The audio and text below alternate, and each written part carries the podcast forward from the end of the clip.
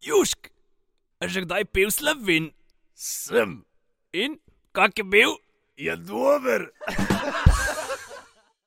A ga poz- poznaš? Poznamo, znam. Jaz ga nekaj kličem, kao vikam, rekel, da ne viki me. Ja, ja. So oni, moj, let- če ni celo en let mlajši od mene. On je 85. 85, ja. Ja, tako, tako. ali 6, 5. Smo imeli pa enkrat en literarni večer, glihle kartuzija plet, rekel zraven Skansen. Vem, Tisto- bil kdaj do. Tista dom- domačija. Desno, sta- Ja, v poprejšnjo desno. Ja. In v tisti leseni kučici, en, eno poletje, še KPT smo gledali štartati, študentski klub, med drugim so bili to v, poletnem času, jer ne v literarni več, in pride nec gazvoda, pa naš fižon, Iršič, ne ono. In pa razumeš, to je bilo itak tema, pa, pa začne pa stari treska, to, to, to, to, to je sekalo sto na uro, daš, lilo, scalo, ono, mi pa noter veš, še tako, ej, tako filmsko, da boh pomaga. ne. In pol so naenkrat lučke, plave, vono in je podrlo, ne vem, koliko dreves, sploh folk ni mogel se tam mimo voziti, razumeš, pol ker nekaj tam horda uh, gasilcev, razumeš, so tam rešvali, mi smo jih vedeli, smo mi že mi smo jih razumeli, pa ono poslušati, vmes je zavesa kulisa naredila, kako ne rečem, razumeš, top je bilo, ne, pa so neke lučke, šta je ovo. uh, Je noč, ne, kva. Mi smo že začeli. Ja, Mi smo že začeli. ne. mi smo že v akciji. Mi smo Kaj ne? dobre vole, tako da le, danes v novi epizodi v naši družbi uh, Jure Gruber, uh, enolog in direktor Kleti Krško, ki je tudi naš sponzor. Pozdravljen, Bog. Bog dej. Živijo. Zdaj, Jure, nekaj si prinesel novega, ne? zdaj cviček je v novi preobleki. Ne? Zakaj si se odločil za to, pa če kaj poveš o tem? no? Zakaj smo se odločili za to? Mislim, vsake toliko časa pripada kakšna noviteta. Ne? In Glede na to, da je bila prejšnja etiketa stara nekaj desetletij, ne? tri in več, Uf. z, ras, z rahlimi modifikacijami, ne? uh, se je v mestnem času tudi marsikaj spremenilo. Tako da smo se odločili za nov dizajn. Uh, ta projekt je trajal skoraj eno leto, da smo nekako. Kako ne rečem, zelo skrbno in tehtno uh, premislili, v katero smer bomo šli, ali ohranimo, ohranimo kontekst stare, ali to dokončno prekinemo in pač gremo res od začetka. ne.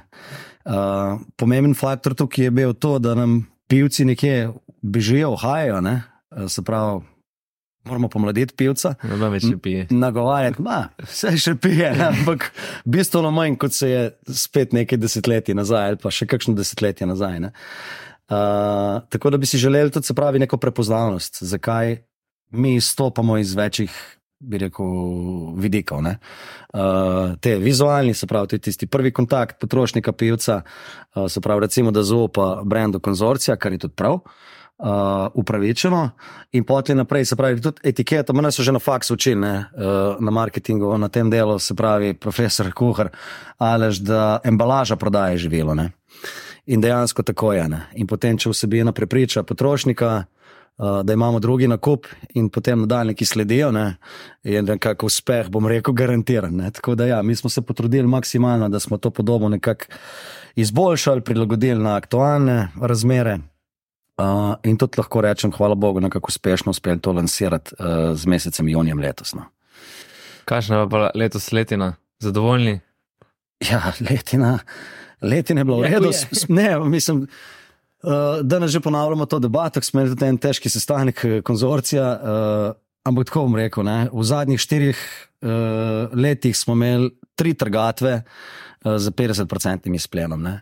Letnik 2021 močna pozeba, letnik 22 je bil nekje, bom rekel, v skladu s pričakovanji pogodbenimi količinami pričakovanji. No. Uh, in letos pač toča na širšem rajonu, ki je pač uničila, lahko rečem, uh, od nič do 100%. Ne? Uh, posamezne površine. Tako da, ja, ni bila najbolj hvaležna trgatev, količine, s- bom rekel, precej omejene, ampak smo se znotraj tega tudi uspeli nekako znajti, no, da je prišlo grozdje v klet tako, da je ustrezno, no, tako da se, da se ga splača prevzeti. Pa tudi jesen nam je šla na roko. Ne? Nismo imeli deževne jeseni, smo imeli predvsej nas je božalo sonce, še potli pozno septembra, začetek oktobra, tako da to nam je šlo definitivno na roke, no? Da so bile ustrezne do zrelosti. Pol največji uh, izziv, s katerim se spopadate, je vreme, pa bolezni. Ne? Ja, mislim, naša pridelava je pod milim nebom. Ne?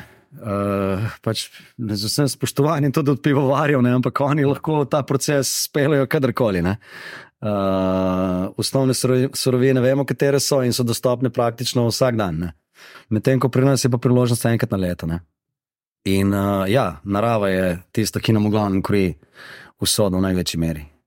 Kaj pa bolezni? Kaj, kaj je zdaj najbolj eh, razširjeno? In se, če so te bolezni skozi leta se spremenjale, kako je, če, če kaj o tem poveš? Posledično bi rekel, lahko bolezni izhajajo ali iz stanja, mislim, absolutno yeah. izhajajo iz stanja v naravi. Ne? Zdaj samo koliko to eskalira. Ne? Sigurno se je letos pojavil še, bom rekel, so bile dodatne gnilobe po poškodbah, ker je prisotna vlaga, potem je bila tudi temperatura relativno visoka in pač je to nek skupek nekih okoliščin, ki prispeva k razvoju bolezni. Ne? Ampak bolj zaskrbljujoče je pa to, kar se od zadaj dogaja, pa se o tem, če dalje več pogovarjamo, pa še vedno, kako ne rečem, premalo, po mojem, ali pa nekega zavedanja je premalo. Kaj nam trenutno dela zlata trsna rumenica, ne, ki se res neizprostno širi tudi proti našemu rajonu, ne. Prelekija, ali pa da rečem Štajerska, eh, Slovenija, ne, kot vinorodna država, ima tukaj največji izziv trenutno v tej točki in ogromne površine se izsekujejo. Se pa počasi, bom rekel, seli lepo dol proti nam, ne, tudi na primorskem proti Krasu je že zaznavno, ne? proti Brdom obala je zaenkrat še čista, ampak je vprašanje časa. Ne? Zdaj, odkje in zakaj to prihaja? Ne? Mislim, dobro, to je ena, druga je pa eska, je tudi zelo zanimiva. Se pravi, kako ne rečem, posledično to rezultira kot kap vinske trte. Ne? Se pravi, zopet neka okužba, ko les začne odmerati in dokončno potem tudi, eh, se pravi, trta. Uh, ne preživi več. Ne? Kaj, pa, kaj pa same zdaj, Okay, če je grozje poškodovano, oziroma bolno, ja. se da to kako popraviti s čim, s kakšnimi ali ne. Dobro, seveda obstajajo sredstva, ne, s katerimi se da te rane na nek, na nek način zaceliti, ne, ampak mora tudi narava sodelovati, ne, da ni spet preveč, preveč vode, preveč vlage, temperature previsoke oziroma nekega nekega spleta okoliščin, ne? ampak ja, uh, se da, se da tukaj pomagati, tukaj nimamo kaj. Ne? Nijamo pa obližal, ne? ali pa, ali pa ne vem, kako ne rečem, nekega, nekega zdravila, ki bi rekel, veš, da so še pozdravo, angelo, zameš antibiotik, si dober za 5-6 dni. Ne? Kaj pa živali? Če bela ose, tudi kaj? Ja, veš, da, mrčes, uh, sigurno, spoh, ko je grozdje načeto, uh, ravno tako, še toliko bolj, uh, muhe, čebele, ose, tega letos tudi ni bilo malo, sploh na splošno, ker je bilo manjko hrane v naravi. A pa pride, uh, ko enkrat že grost poč, ali ga one pregrizejo? Uh, Čebele. Čebele ne, ose. Oziroma ose, ga ja. pregrizejo, ni tako, da enkrat ko poč, da pol tako. se pridejo hraniti. Ali pa mušica, še posebej Suzuki, recimo, ki se potem razmnožuje noter v, v groznih jagodah, ne? izleže jajčica in potem se si lahko mislimo, kako to eskalira. Ne? Je pa res, da imamo če dalje več tudi, eh, bom rekel, teh, bi rekel, živali, dejansko divjat, ne? ki dela škodo. Ne? Od jazbeca, srnjadi, eh, divjih prašičev, to, to je trenutno še toliko večji, eh, večji težava. Ne? Ko ti dejansko spomladi že pohrustajo mladice, ne? se pravi, nimaš zaroda, nastavka, poganko in, za, in ti narediš škodo že za naslednje leto, ker imaš težavo, kako boš trto brezo izoblikoval. Ne? Poleg tega, da imaš reduciran pridelek že v, v tekočem letniku. Ne? Plus potli, da ti, da ti recimo jejo še, uh, uh, še pridelek, ne grozdje. Da, ja. Kaj pa, enkrat, ko sem bil v Goriški brdi, se vidim, imajo gosi ali race med trtami. A to imajo zaradi polžev ali da travo poglodajo? Pa jaz sem že svašta živali vedel vinograda. Da, lej, to je pač stvar filozofije, po mojem, posameznega pridelovalca. Zdaj, da bi kdo načrtno uh, gojil race v vinogradu, lahko da so bile kakšne težave z, z polži, kakorkoli. Majo, to, to je ponovadi so prakse, se pravi, nekih pašnih živali, takšnih, drugačnih, v ekoloških nasadih, biodinamiki in tako naprej. Se pravi, da. Da one po, pohrostajo, da ne rabijo pohrostati. Ja, tako nekako. Ja. Um, Sicer pa ja, ne bi vedel v tej točki, zakaj. Zdaj sem prav dolgo, prav sem si shranil to lepo brazilsko.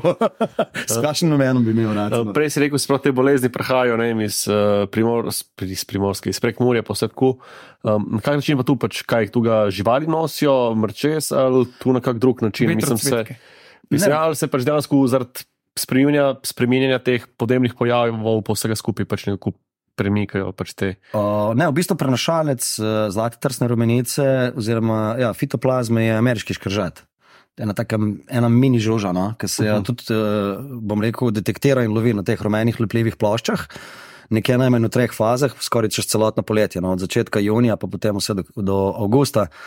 Uh, in tudi posamezne faze, ne, se pravi od ličinke in potem do odraslega, uh, do odraslega ne, vsebka. Uh, Uh, in na ta način spremljamo koncentracijo. Ne. Seveda imamo vmes zatiranja, ki so zdaj tudi zakonsko prepisane, odvisno od vinorodne dežele, posameznega okoliša, koliko krat in s katerim sredstvom lahko greš. Ne? Ker tisto učinkovito sredstvo je žal šlo iz prodaje zaradi takšnih in drugačnih negativnih učinkov, če je to res. Ne? Ampak dejstvo pa je, da učinkovito je bilo in je žal šlo. In potem je zdaj tudi rumenica, da rečem, izbruhnila do besede. Tako da imamo prenašalce, kažejo se tudi novine. Um, Ja. Se te škržati selijo, ali ja. na njih nekako pride ta bolezen. Ne, iz... Oni pridejo iz prekmurja, se vse na Štajersko in naprej. To, to moraš gledati tako, da pač to je metulček, ki prosto leti. In zdaj, če smo ga tudi v nekem vinogradu zatrli, ker to je kontaktno, kontaktno učinkovina, ne, sredstvo. Hm. Uh, Tisti, ki je preživel, normalno, mu tleni všeč, bo izletel ali po vsakem primeru izletel k sosedu, on pa ni šprical, oh, super, ne? se tam ponovadi prihaja do žarišč uh, v vinogradih, kjer se, kjer se, ne, uh, kjer se ne ustrezno ne aplicirajo FFS-ji. Pravnikom je bio pa, bio pa eko. Tudi, ne, vse...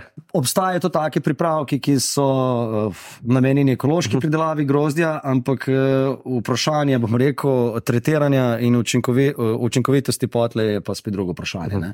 Se pa ravno tako namnožuje na neki drugi, bom rekel, podrasti, sreboti, uh, neki rubidojo tam zraven uh -huh. in tako naprej. Ne.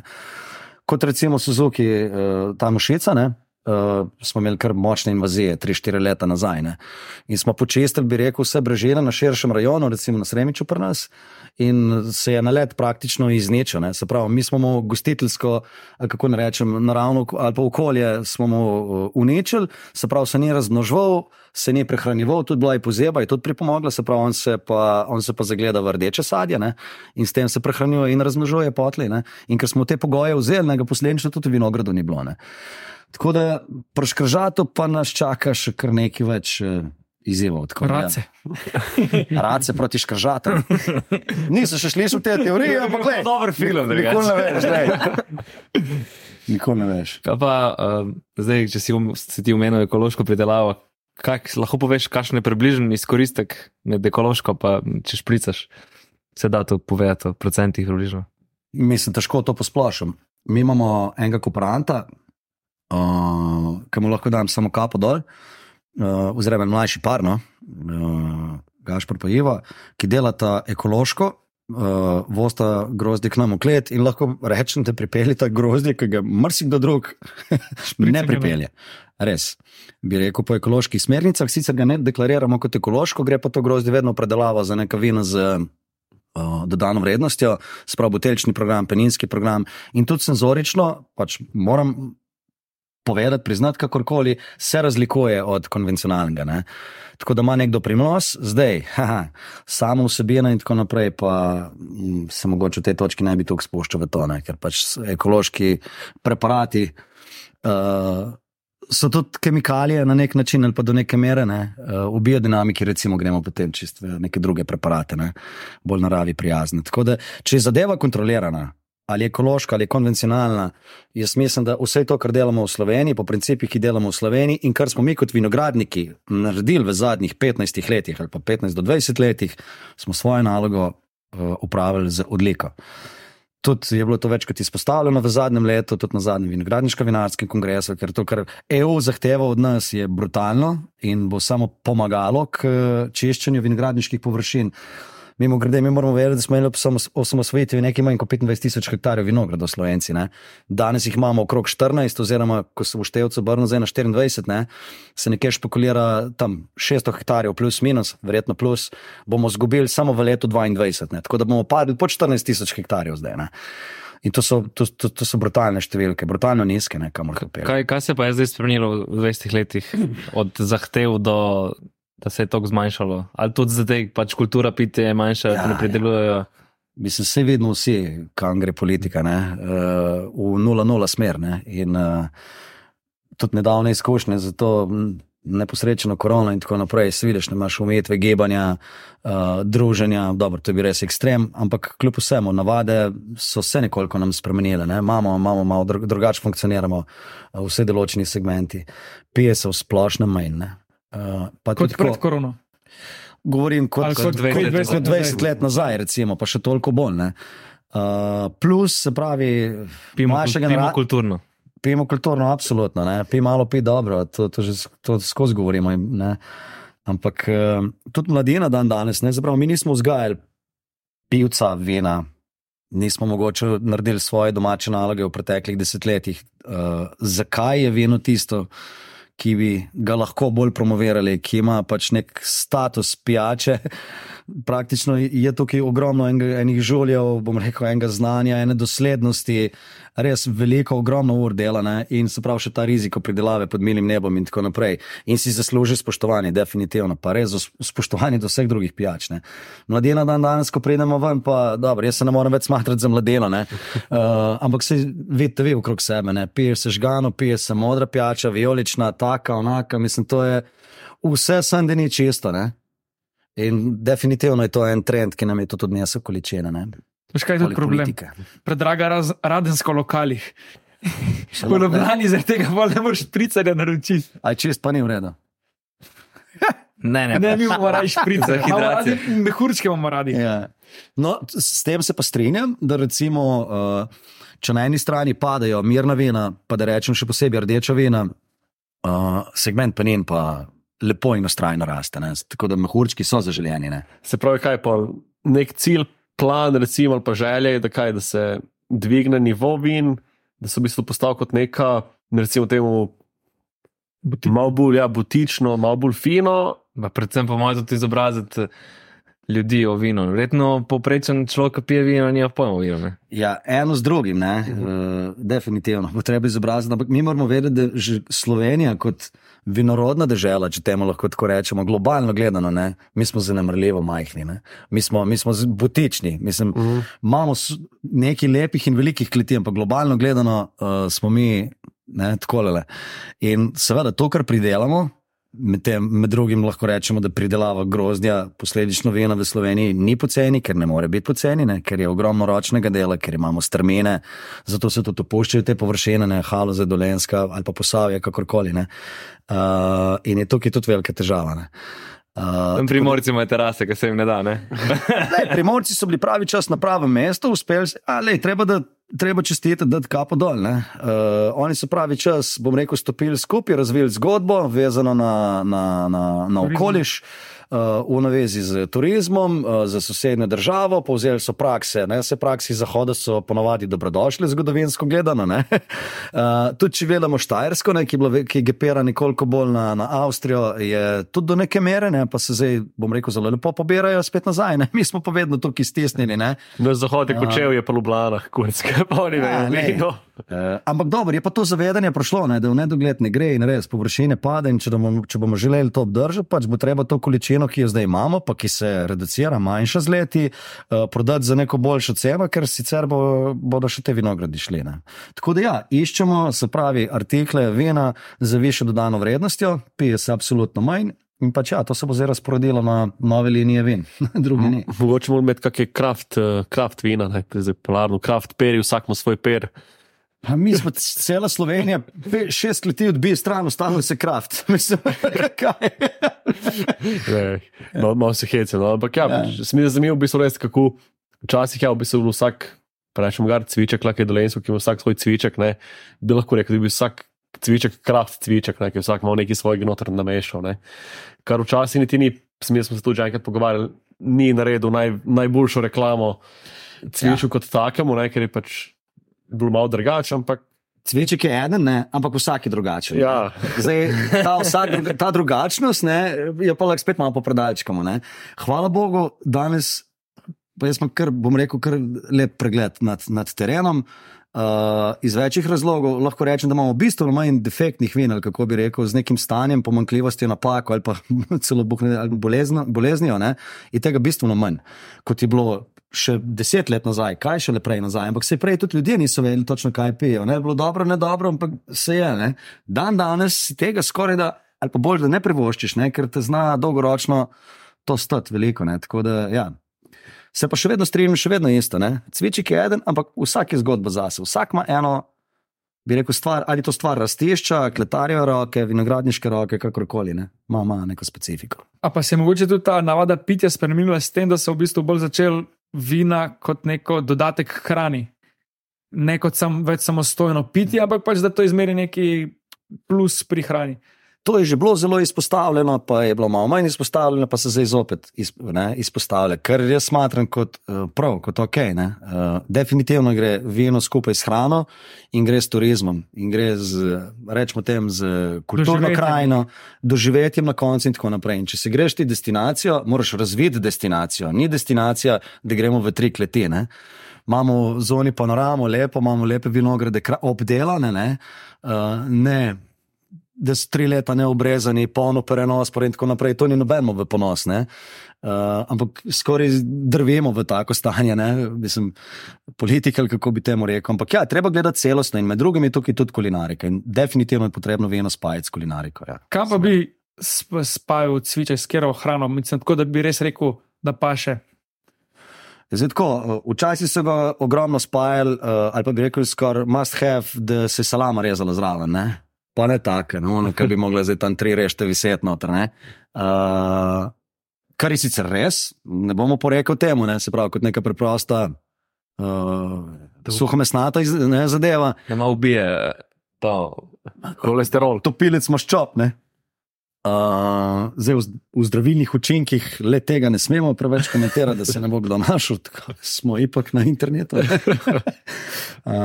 ampak praktično, ko vsaki mesni hrani pa tudi bolj nežni lahko. Recimo, tudi, tudi če imaš solatni krožnik s piščancem, lahko spiješ kozarček cvečke zraven, brez problema. Mi moramo vedeti, da tukaj imamo še vedno, uh, kako ne rečem. Uh, relativno nizko alkoholno, preprosto vino, mešano iz belih in rdečih sort, imamo tam med 9 in 10 volumskih odstotkov alkohola, se pravi, ni pretežko.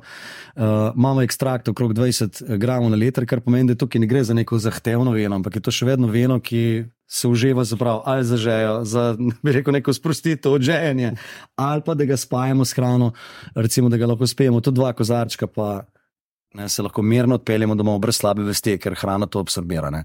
Tako da težko rečem, katera hrana ne bi bila primerna. Ne. Mislim, presladici ga verjetno res ne bomo peli. Sicer pa mislim, da vse, kar je vmes, pride v poštev. Ne. Lahko pa tudi le kakšen testing naredimo, oziroma bo kakšen somelje v prihodnjih oddajah povedal. bomo, bomo zrihali. No, zdaj pa če smo že pri teh uh, vinu in hrani.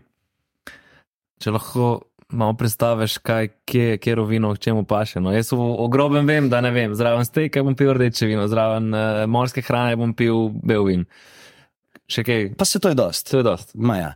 Ne, zdaj, prvo kot prvo, še enkrat, ne, ne vem, ali smo se že mi to pogovarjali. Ne, jaz nisem someljen. Someljen so tisti, ki spajajo, se pravi, sem, uh, opisni pokoševalci vin in posledično tudi spajajo zadeve skupaj. Uh mhm. -huh. Spoštujem, vse v redu. Uh, jaz tukaj kot tehnolog sem zato, da pripravim, da je vino korektno, uh, da je, kako ne rečem, v stiku današnjega časa, te ere, se pravi, da je, da je zanimivo trendovsko in tako naprej. Uh, sem pa tudi, uh, kako ne rečem, ocenjevalec vin. Tako da bom lahko v neke točke, v neke številke spravil, kako dobro je, ne? ali pa obratno.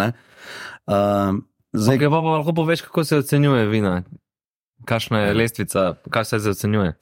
Kaj se ocenjuje? Ja, logično, najprej ga pogledamo, uh, potem ga vonjamo, okušamo in na koncu se pravi, so se skupaj združili v neko harmonijo. Ne? In zdaj, recimo, če imamo nek 20-točkovni sistem, so potem znotraj tega uh, tudi deleži uh, točk temu namenjeni. No, to me zanima, kakšne je. Bistrost, barva, von, okus, harmonija. Ne? Ampak kaj pa je tisti referenčni okus, iz katerega izhajaš? Naprimer, če piješ neko vino, da breko, ok, to je res to, ali pa nisem, kaj za primerjavo zameš?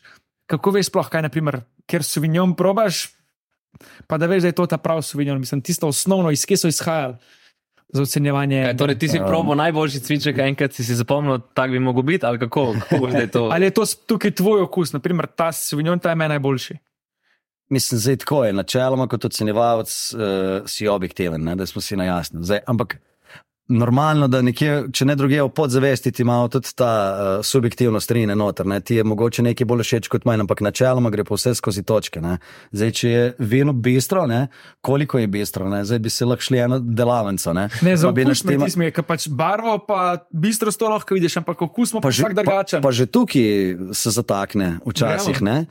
Uh, in že na vonjo, ne, ker je vča, sploh, ker si je recimo izpostavil Sauvignon, šolski primer, ne, ponovadi so polemike na samih ocenjevanjih degustacijah, kakorkoli pri Sauvignonu, ne, ker ima zelo reduktivno aromatiko in včasih bi rekel, je bekser, ni bekser. tako, ena taka klasična debata. ne. Uh, in pač moraš biti pa toliko, bom rekel, v glavi, imeti izdelano mnenje, da veš, kaj je pirezinska nota, kaj je tiolna nota, se pravi, kaj je Sauvignon nota ali pa kaj je reduktivna nota. Ne.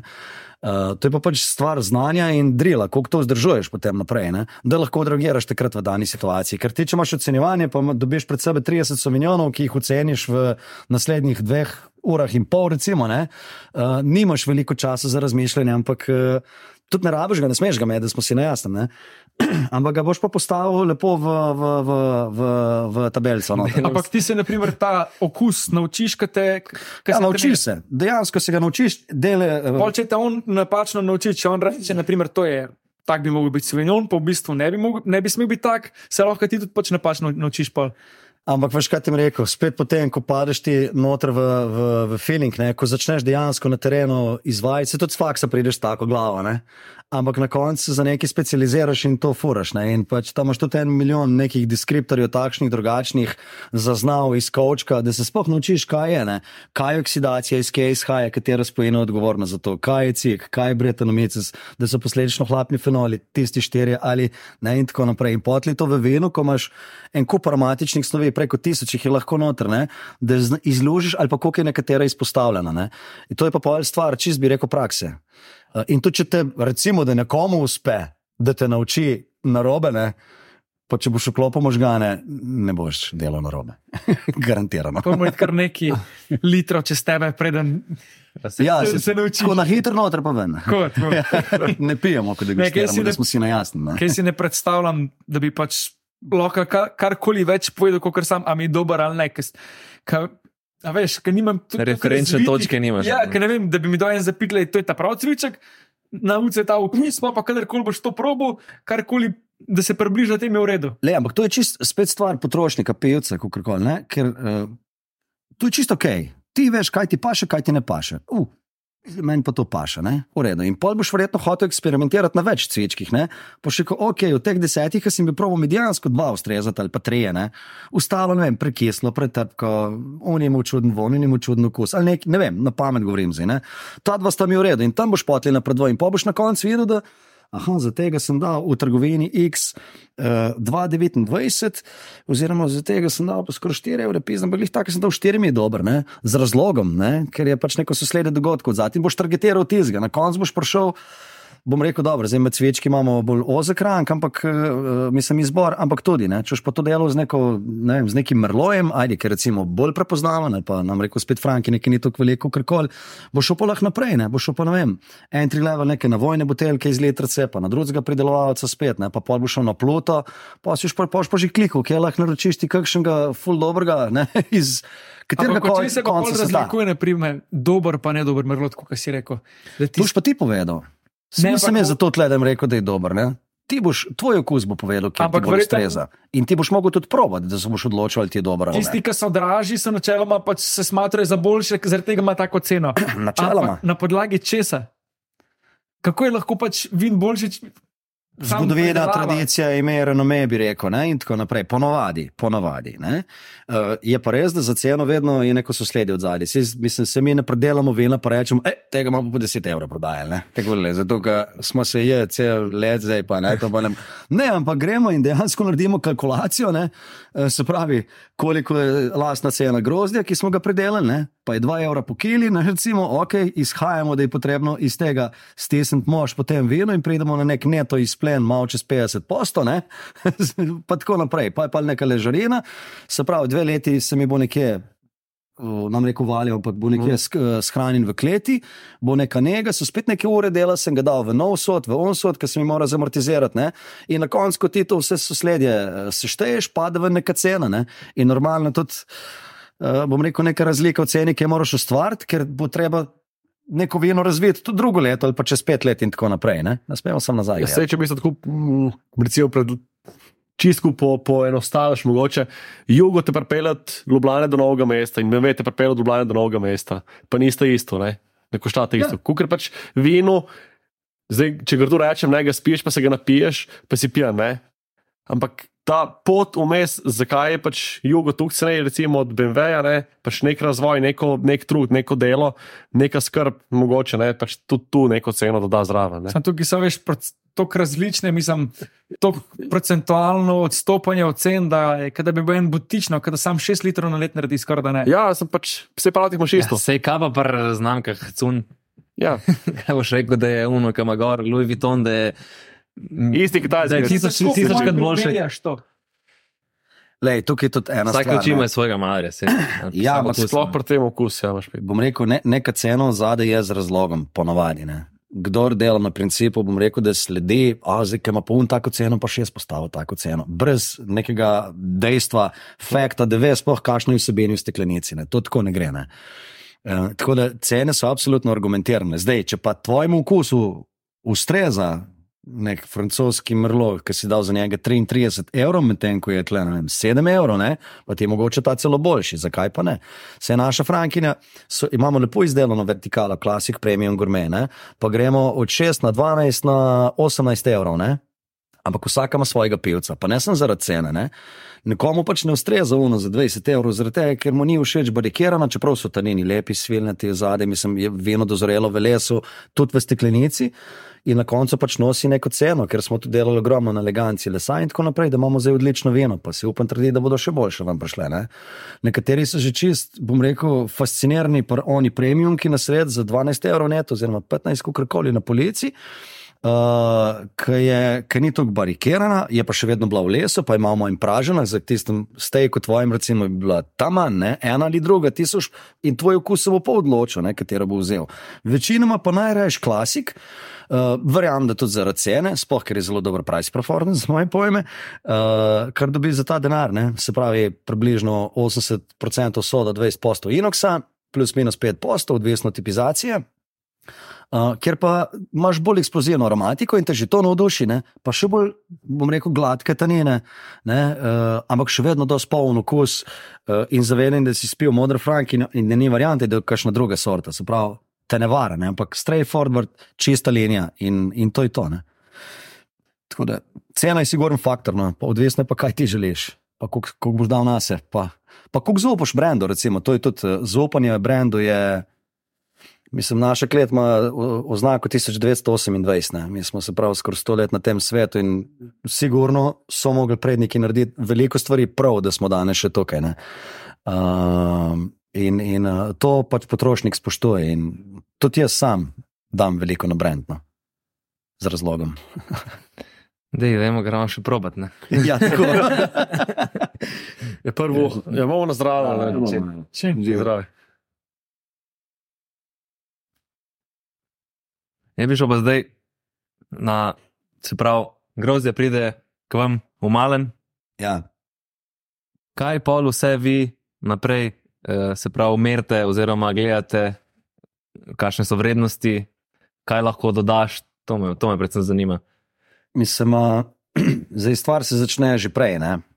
Ko pride grozdje v vinograd, smo mi že s posameznimi vinogradniki skomunicirali, na kateri parceli ima katero sorto in kako je zrelo in za kater tip vina bomo, bomo to grozdje Prav oni namenili. ne. pošljajo, kaj je sladkobo, V bistvu mi sprejemljamo no, uh, dotečne parcele. Ne? Uh, in potem, se pravi, če imamo odkup za penjene, se pravi, da se strogo vse vozi v gajbicah oziroma box paletah, ker se stiska celo grozdje, tudi vemo, katerih sort, koliko potrebujemo, predvsem pa skerga raztešča. Ne? To so že kar upeljani sistemi in še seveda še vedno researchamo, ker lege v Sloveniji imamo, kljub žal, še vedno, bom rekel, premalo, premalo poudarjene, premalo izpostavljamo te zadeve, ampak tudi ta zadeva se ureja. Potem, ko imamo mi natargetirano ciljno parcelo, ne, se zgodi prevzem. Uh, pa zdaj, ali če gremo za cveček direktno, ne, kaj se, se pravi, se zamelje v mlin, uh, gre potem na maceracijo, ponovadi, zdaj tukaj se dodaja, ponovadi, seveda, moraš nekako zaščititi zadevo. Ne. Uh, ponovadi se tukaj uporablja uh, žveplo, ne. Uh, zdaj, v nekih koncentracijah, ki so seveda zelo strogo kontrolirane, ne, uh, ker na koncu to rezultira, uh, bom rekel, spet v vsebini vena. Na koncu, ko imaš ti odločbo, da je veno sposobno za promet, izmeri prosto in skupno žveplo. Ne? In to je tisto, še posebej skupno, ki potem naslednji dan, ponovadi ob nedeljah zjutraj nas moti. Ne? In takrat se tudi velikrat odločamo o tem, ali bomo še zaupali brendu. Kakšna je zgornja meja, ne vem, kuh se mer na tisoč litrov na kuh. Ne, pred, ne na, recimo pred cvičko je zgornja meja skupnega žvepla 120 mg na liter. Ne. To je zakonsko postavljeno s pravilnikom zgornja meja. Ne.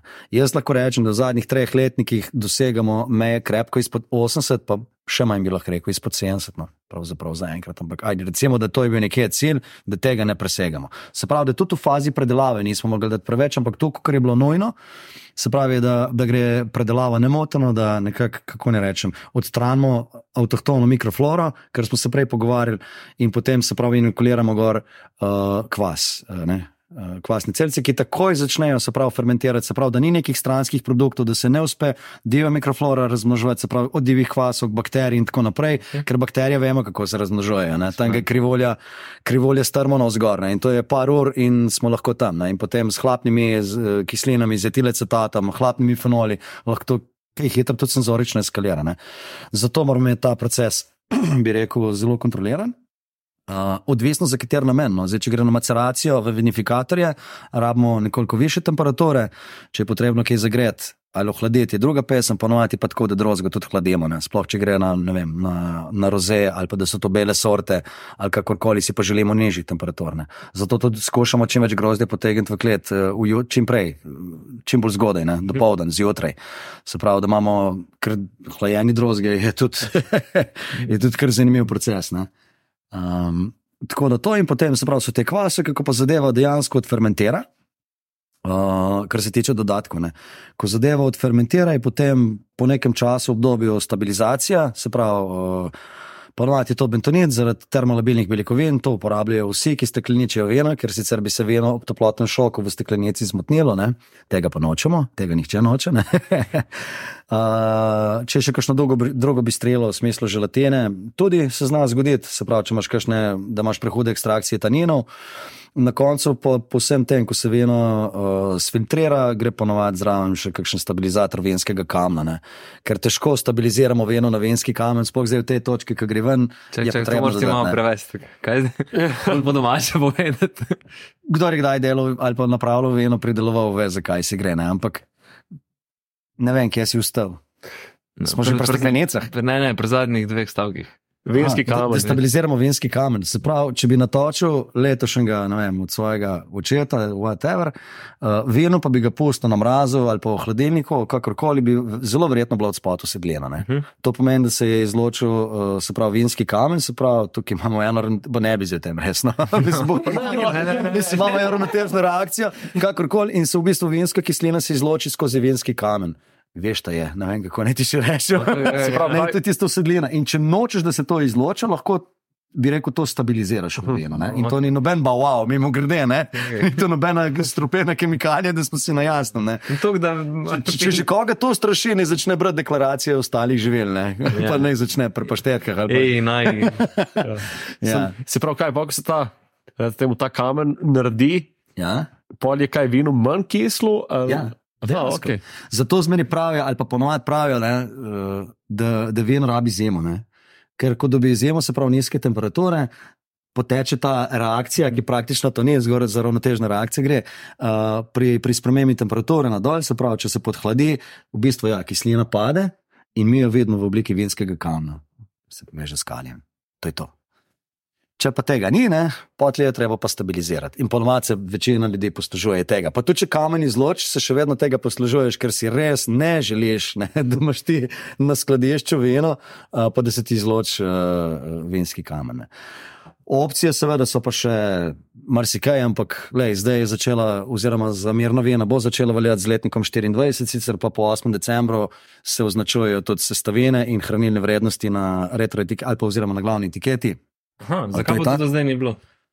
Za vino to ni bilo, zdaj pa pač, pač prišla taka EU direktiva, na vrat, na nos, od februarja meseca se to, vse tle še ni, se, uh, se pripravlja, ne bomo prvi, ne, ker to bo zdaj spet cela fama. Ne.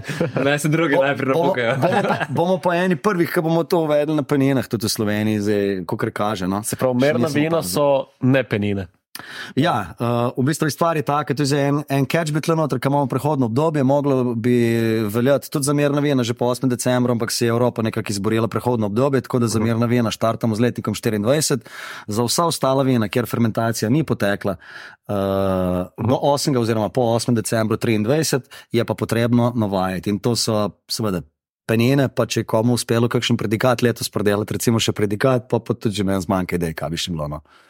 Uh, tako da, ja, zdaj dobimo vse gor, označeno, se pravi, najprej bodo kalorije, ki morajo biti gor, sestavine. To je kaj, od ene decivila ima 80 kalorij, kaj ta zga. Bomo to na naslednjem debatirali, ker zdaj moram še past v to, da vse preračunamo. Uh, ker ja, alkohol bo seveda največ prispeval. ne. Ja. Uh, Ja, vem, da ima- Etanol vem, da ima per 200 kalorij, ne, tako da kar velik, v bistvu. Lej, mi ponovadi, ko ga pijemo, nekaj delamo zraven, tako da to sproti leti. Ne, Sprav, ne boljšamo, se ne redimo, mi, mi, mi, mi samo zdržujemo kalorije, nič drugega. ne, ampak jaz mislim, da cveček bo imel tukaj prednost uh, v tej komunikaciji, zaradi tega, ker pa zdaj, ko si ti pogledal, tako par vin v, v, v, na, na vrsti razumeš. Kar, vino, wow, ne, zakon pa cveček tudi ima, je normalno, da ga ima malo, ne, če, če ima tako manj alkohola, ne, 2 volta ali pa 3, 4 spet bodo naredili razliko. Ne? Posledično še gliceroli, seveda, ne? ker imaš tam ne vem, pri nekih rdečih vinih više temperaturo. Uh, fermentacije, posledično več glicerola, ne? on gre tudi v kalorije. Ne? Uh, tako da, ja, to bo še zanimivo. Je pa res, da le. Glicerol je nisem... pa cukr, ne? Al... Ne, tudi uh, spada med uh, alkohole, ne Aha, okay. prevalenten, če se ne motim. Je, je. Smisel, ja. glic... ne, tri gliceride. Glicer. Ne, ok, ok, gliceride, sorry, sorry. Ne, ne, se je ok, ok, ok, imamo. Ne, sem tako popolno nekih imen, pa sem tako, za večino sem tako. No. Mislim, cukor ni. No. Aha, ok, ok, ok. Uh, Sorry, Tako da sem te zmotil. Tako da to bo, to bo še ena, ena zadeva, ki počakajmo raje na vse komentarje in, in zadeve, da zaživi. eh, Ker kot družba sploh nismo zreli za kitajskega, ampak pač bomo mogli biti, no, tako bom Se rekel. pravi, nova etiketa pa bo že treba spremenjati. Ja, zadnjo bo treba, bo treba novo rodje naročiti, sigurno. Sicer je pa tako, no, da hranilno, mislim, kalorije bomo še nekje pustili gor, ostalo bo šlo pa potli na kor. Kaj prav vse sestavine? Ja, sprav. Uh, Hranilne vrednosti, ja, pa vse. grozni sok, mošt, tega kakorkoli je označeval naprej. Ja. Pač ja, to treba se piti. Tudi, recimo, maščobe tega sladkorja in tako naprej in tako nazaj. Tudi če je nula, boš pač mogel napisati. Kulo pa priporočljiva, Dnevni ne, vnos. priporočljiv dnevni vnos. Potem se kako delaš. Ne? Kozarc, pa podvezni kožen kozarc. Ne, ne vem, lej. Tega ne bo, ne. Se vidiš, kaj dela z nami, se pravi, kangri, kangri ta svet. Ta svet dela proti nam trenutno, ne. Tako da raž bi nas spravili na tablete, ko pa da, da si človek spije prmalci ob dobri hrani ali pa kosilo večeri dva kozarčka, ki fakt, no, nobeno ne more škoditi, ne. Pa, da- mislim, pa v tej gužvi, v tem brutalnem tempu, ki ga imamo, ker nas vse prehiteva po levi in po desni, pa da si ne, ne smem prvoščiti praktično kozarca vena. Ma, ne. Ne, ne. Po drugi Evo, strani pa. Si ga pa bomo. Po drugi strani pa farmacevtski lobby, razumeš, bi nas pa napetali z vsemi stvarmi. Pa, lej, ne vem, sorry, Evo. ampak le. Opa. Drink to that. Veš kaj, Jure, bi te zdaj še prosil? Predstavljamo si, da zdaj to posluša eno meščansko dekle in dobila bo obiske, na katere bodo prišli njeni prijateljice in fanti in bi se rada bila, ko bi rekel, spoštovala vino, da je to kultura in kakšen kozarc mora ona zbrati za katero vino. Da ne pol ne postreže vino v napačnem kozarcu. Vse Začet, ponovadi vseeno, ampak ne, dajmo biti. Čizga. Dajmo biti. za Uh, začetek tazga, da ima samo ena luknja. pa bo- Okay. Ampak uh, ja, odvisno, kakšen, kakšno vino si bo zaželela ta deklica. Jaz se to smisel, da sej verjetno so ene 4-5 vrst kozarcev, no? mislim, verjetno jih je 50, ampak Ja, Ter pet, rednih je pet, da si To zdaj, ko gledamo, pa izobraževanje tako, onako. Ampak- ono, ampak to je en simple. segment, ki ga ima- imajo somiljejstvo čez, mogoče bolj kot mi, ampak ja, je pa tako. No. Ja, načeloma imamo kozarc za belo, pa za rdeče vino. Ne. Za belo vino so ponovadi neki, bom rekel, univerzalni v obliki nekega tulipana, ki so na vrhu rahlo zožani, ne, z, raz, tacga. z razlogom. No, večji, E, no. ajd, e, prolazno, prolazno. ponovadi od spod širši, pa gre malo ja, skupaj gor. Ne? Veš, no, tulipanček, Ja, tulipanček. tudi- Tu sem Tulipanček. nek kontra. Bomo mi dali tu vse ujeti, tako zraven slikca. To je za ozirnico, pa Ja. ne. Uh, ampak zakaj ne? Se pravi, da vino, ko se natoči noter, se pravi, ima nek, nam rekel, minimalen stik s zrakom, ampak ponovadi mu paše, da zadiha. Ne? In na koncu se pravi, ko je tisti tulipan zožen na vrhu, se pravi, se na nek način skoncentrira aroma gor. ne. Uh, da ga se pravi, da ga pogledaš, da ga povonjaš. s- To že, bom rekel, en tak lep vtis, ne pa že prvi stik, ko ga prejmeš, ne, ko imaš ti tanek kozarec, tanko steklo, ne, uh, tanek pecel in gor tudi naprej, sama čaša, ti da en vtis, bom rekel, ne, nečesa več. Ne. In tukaj imamo zdaj, ker se teh kozarcev teče, celo znanost od zadnjih. To so tudi brutalno drage zadeve. Rata, ne, ampak, okay, ne. ampak načeloma smo tukaj pri belih vinih. Ne. Potem pri rdečih pa ponovadi imamo pa čaše, ki so na vrhu nič ali pa minimalno zožene, ne? nekako minimalno ponovadi pride, absolutno so pa čaše večje. ne. Uh, zakaj? Zato, ker rdeča vina, sploh če so zorjena ali kakorkoli, jim, uh, jim uh, ustreza malo več stika s zrakom, se pravi, da imajo večjo površino, se pravi, da se, da se uh, kako ne rečem, uh, uh, preluftajo. No? Prezračijo, ampak na koncu še vedno pa še neka aromatika, se pravi, pa če tudi je terciarna, se pravi, zorilna, uh, da ni čist primarna. ne. Uh, in to so načeloma dve glavni razliki. ne.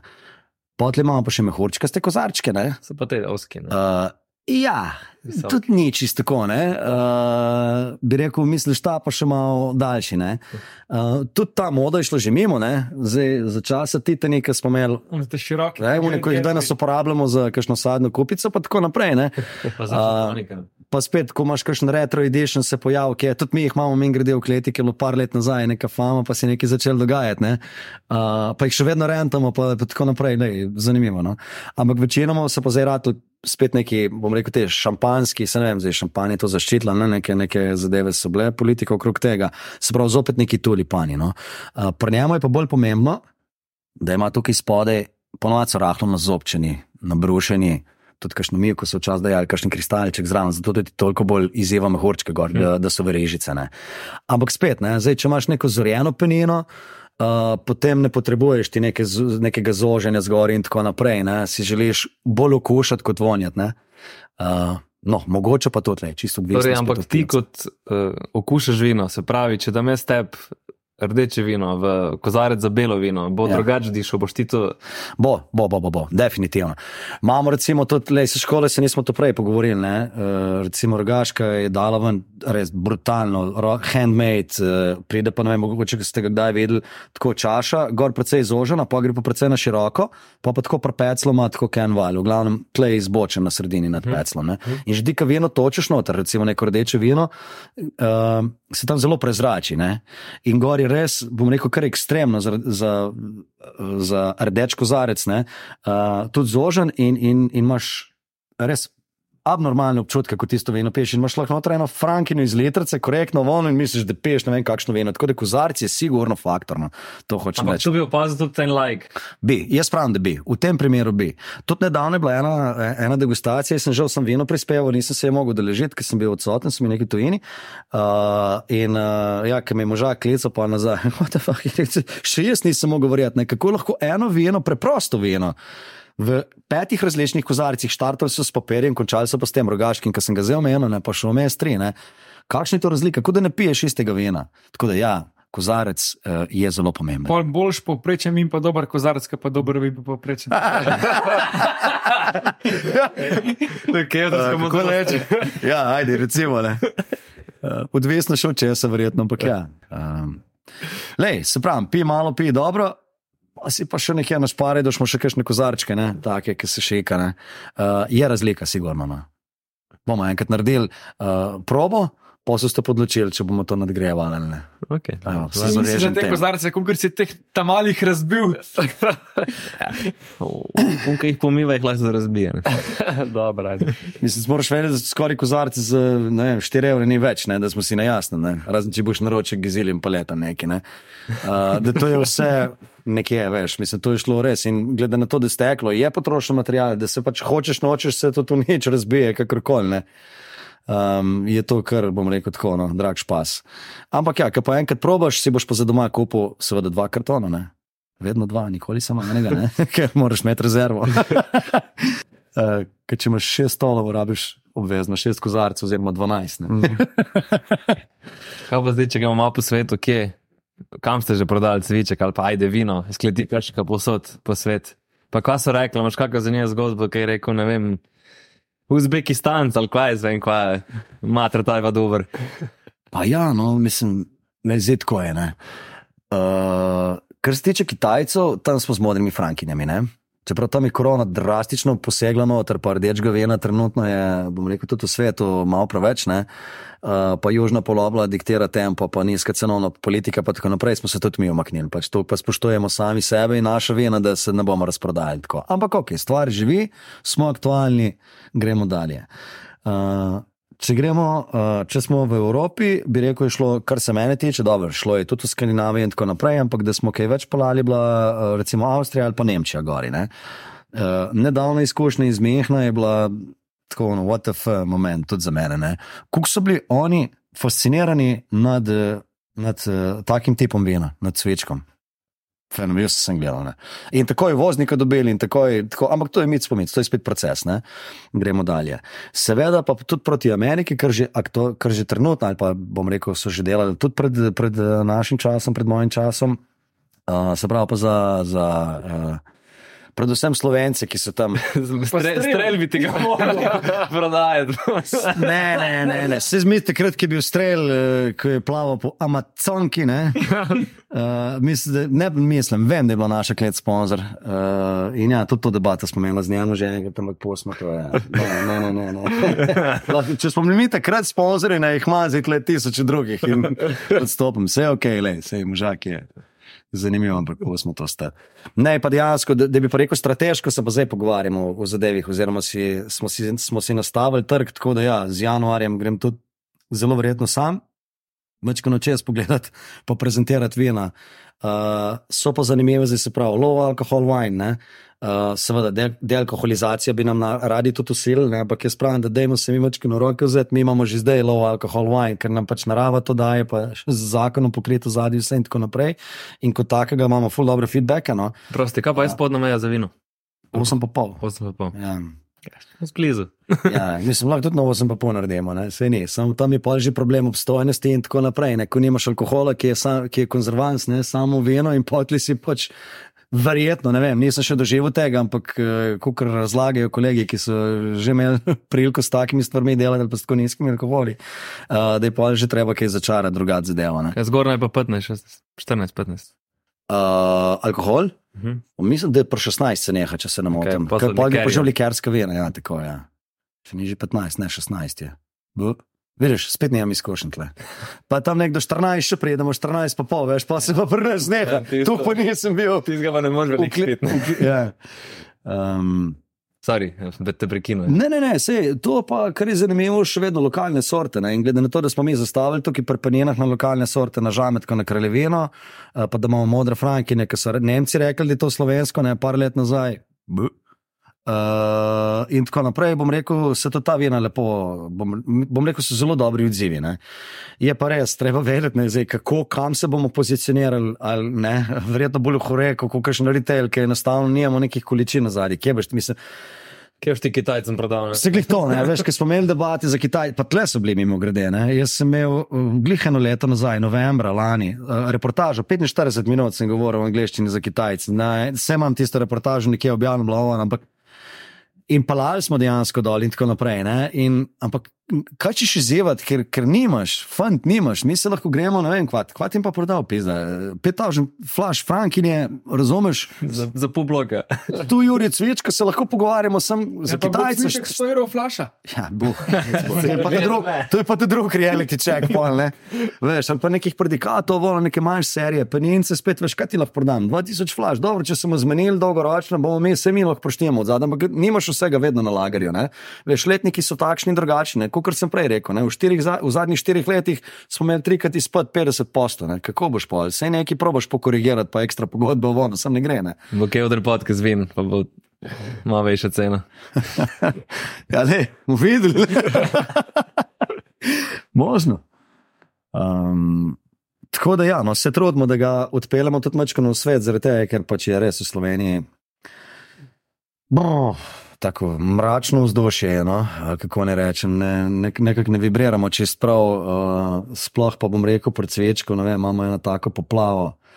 Žal, tudi low budget, ljudje pač se znajdejo po svoje, kupi tisto, kar je v njihovem dometu, diskontri so, so močni, zdaj, kva kupaš za ta gnar, ne? enkrat je dober, ponovadi je slabo.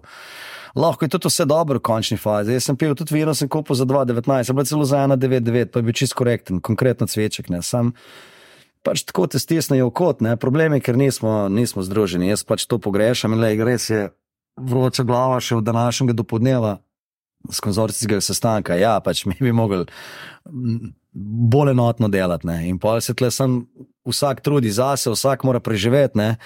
Ampak kaj boš ti pri nekem trgovcu dosegel? Než drugega, njega zanima samo, koliko boš ceno skorigiral, ne? Sej, sej drugo, pa kaj mu boš še dal zraven, pa tako naprej, v smislu nekih rabatov in takšnih in drugačnih obveznosti, ki jih imaš. Ne?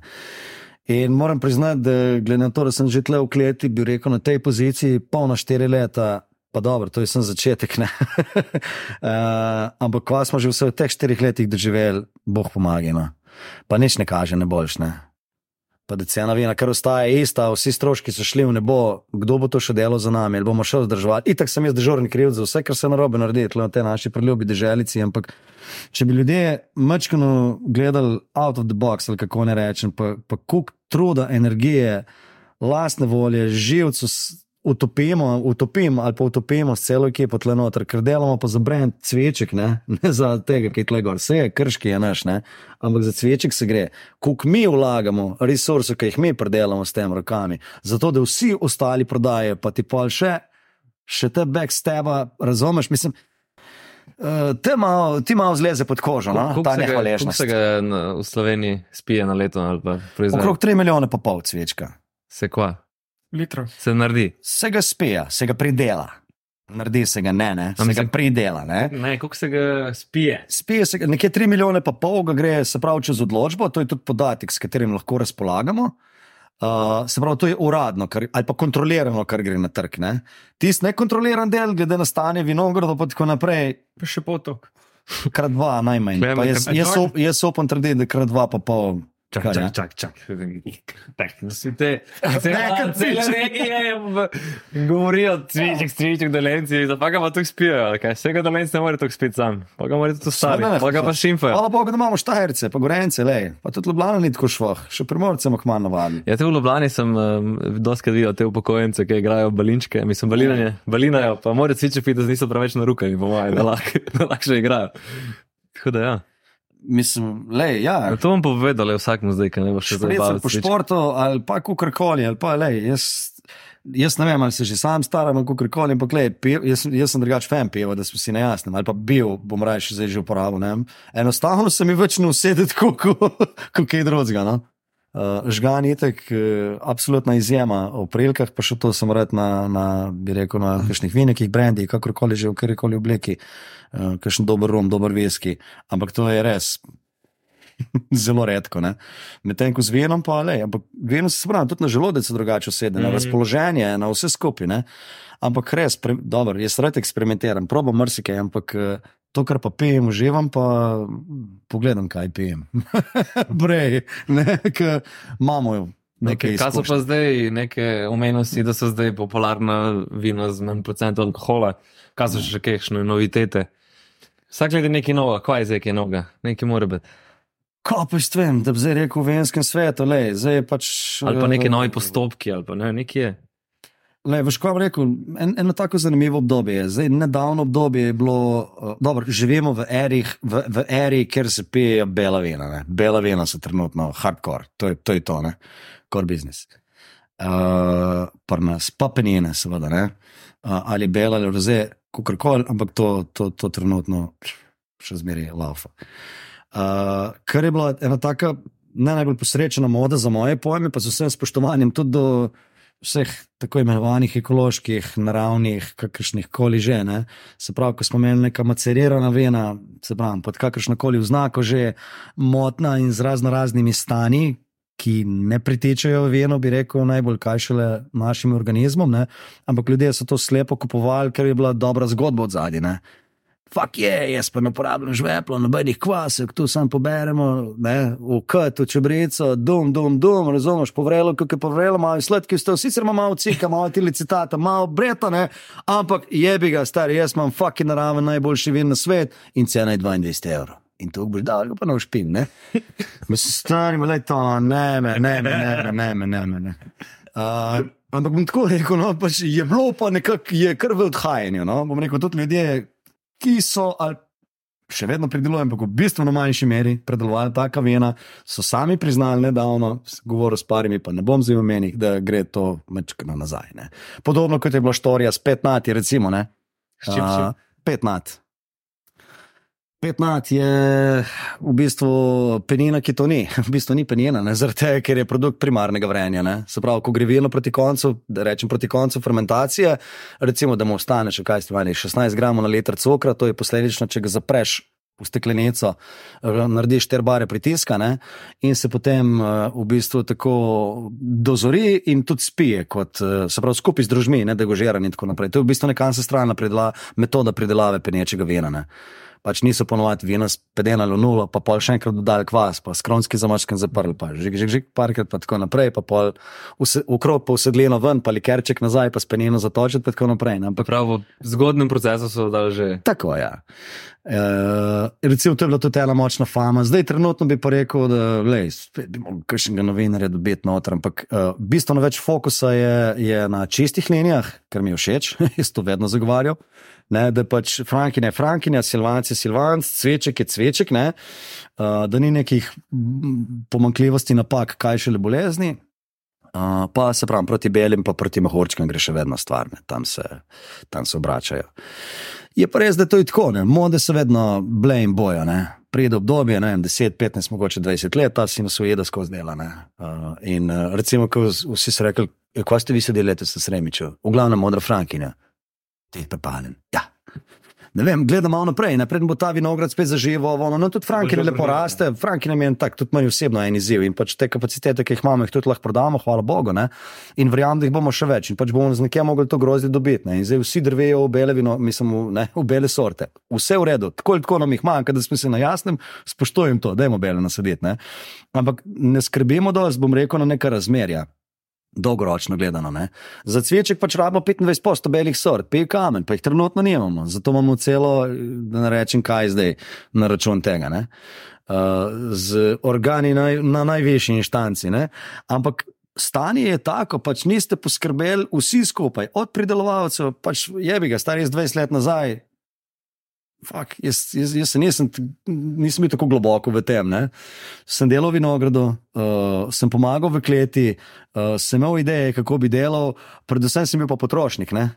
Pa, z, z, razumeš, ne? ja, mislim, kaj si pred 20 leti, je pa te bog. Ne? Ampak v teh 20 letih je šla zadeva toliko, uh, bom rekel, uh, tukaj je skaliralo to, razumeš, da je šlo, da so, vse razmere so se podrla, noben ne zna razmišljati, kaj bo jutri počel, kaj bi lahko jutri počel, razvil nov produkt, ali to še cveček pri nas, ali bomo razvili kaj drugega. Penine zdaj so na vrata nos prišle. Uh, bi rekel, tudi na dolensko, se hvala Bogu, imamo sorte, imamo lege, imamo pogoje, vse je super. Izkazali smo se že po parih letih zorenja, se pravi, šarže so ne samo ponovljive, ampak celo nadgrajene. In jaz verjamem, da dolenska bo sigurno eskalirala z, z, z peninami, definitivno. Ne? Uh, Se moraš ravno še turizem upeljati. No, mislim, to je glavno. Absolutno, kulinarika, turizem, vsebine, animacije, vse to bo moglo biti. Če tega ni, če, ni, če nimaš celostne, eh, bom rekel, zadeve urejene, infrastrukture na nek način, pozabi. Ne, uh, Cviček penina bo. Ali ne sme biti. Ne sme biti. Ne, vse Ima imamo, kralje, Špricer. kraljevska A ja, penina. Ja, špriti si špricer. Ne, recimo, ko je naša klet postavila, kako bi človek rekel, so se moji zajegadni. Uh, uh, cvečkovo perino je inšpektor na vrata, tek, tek, tek, tek. Pravilnik jasno veleva, da cveček je mirno vino z tek, tek, tek, tek spet definicija. Ne. In dejansko ne sme biti uh, kot, uh, kot peneče vino. Ne. Tako da se ga prekrstili v kraljevsko penino, katero imamo še vedno. Ja. Uh, je pa res, da interes, bom rekel, popraševanja ni tako veliko, kot bi si ga mogoče človek, uh, kot bi si mislil ali pa želel, ali pa kakorkoli. No. Nekje pa imamo. Grejo bolj, bom rekel, če sam Frankinja roze, pa žametka, bela roze, pa tako naprej, kraljevina bela, ona itek, eh, top. Uh, to so najbolj iskane zadeve. No. Ja, neč na zdravimo. Smo pred rajcem. Na, na, smo pa drajca do konca. Zdravo. Jure, hvala za, za obisk našega keldrčka skromnega. Veš, končno sem do sem prišel. Ne? Tako.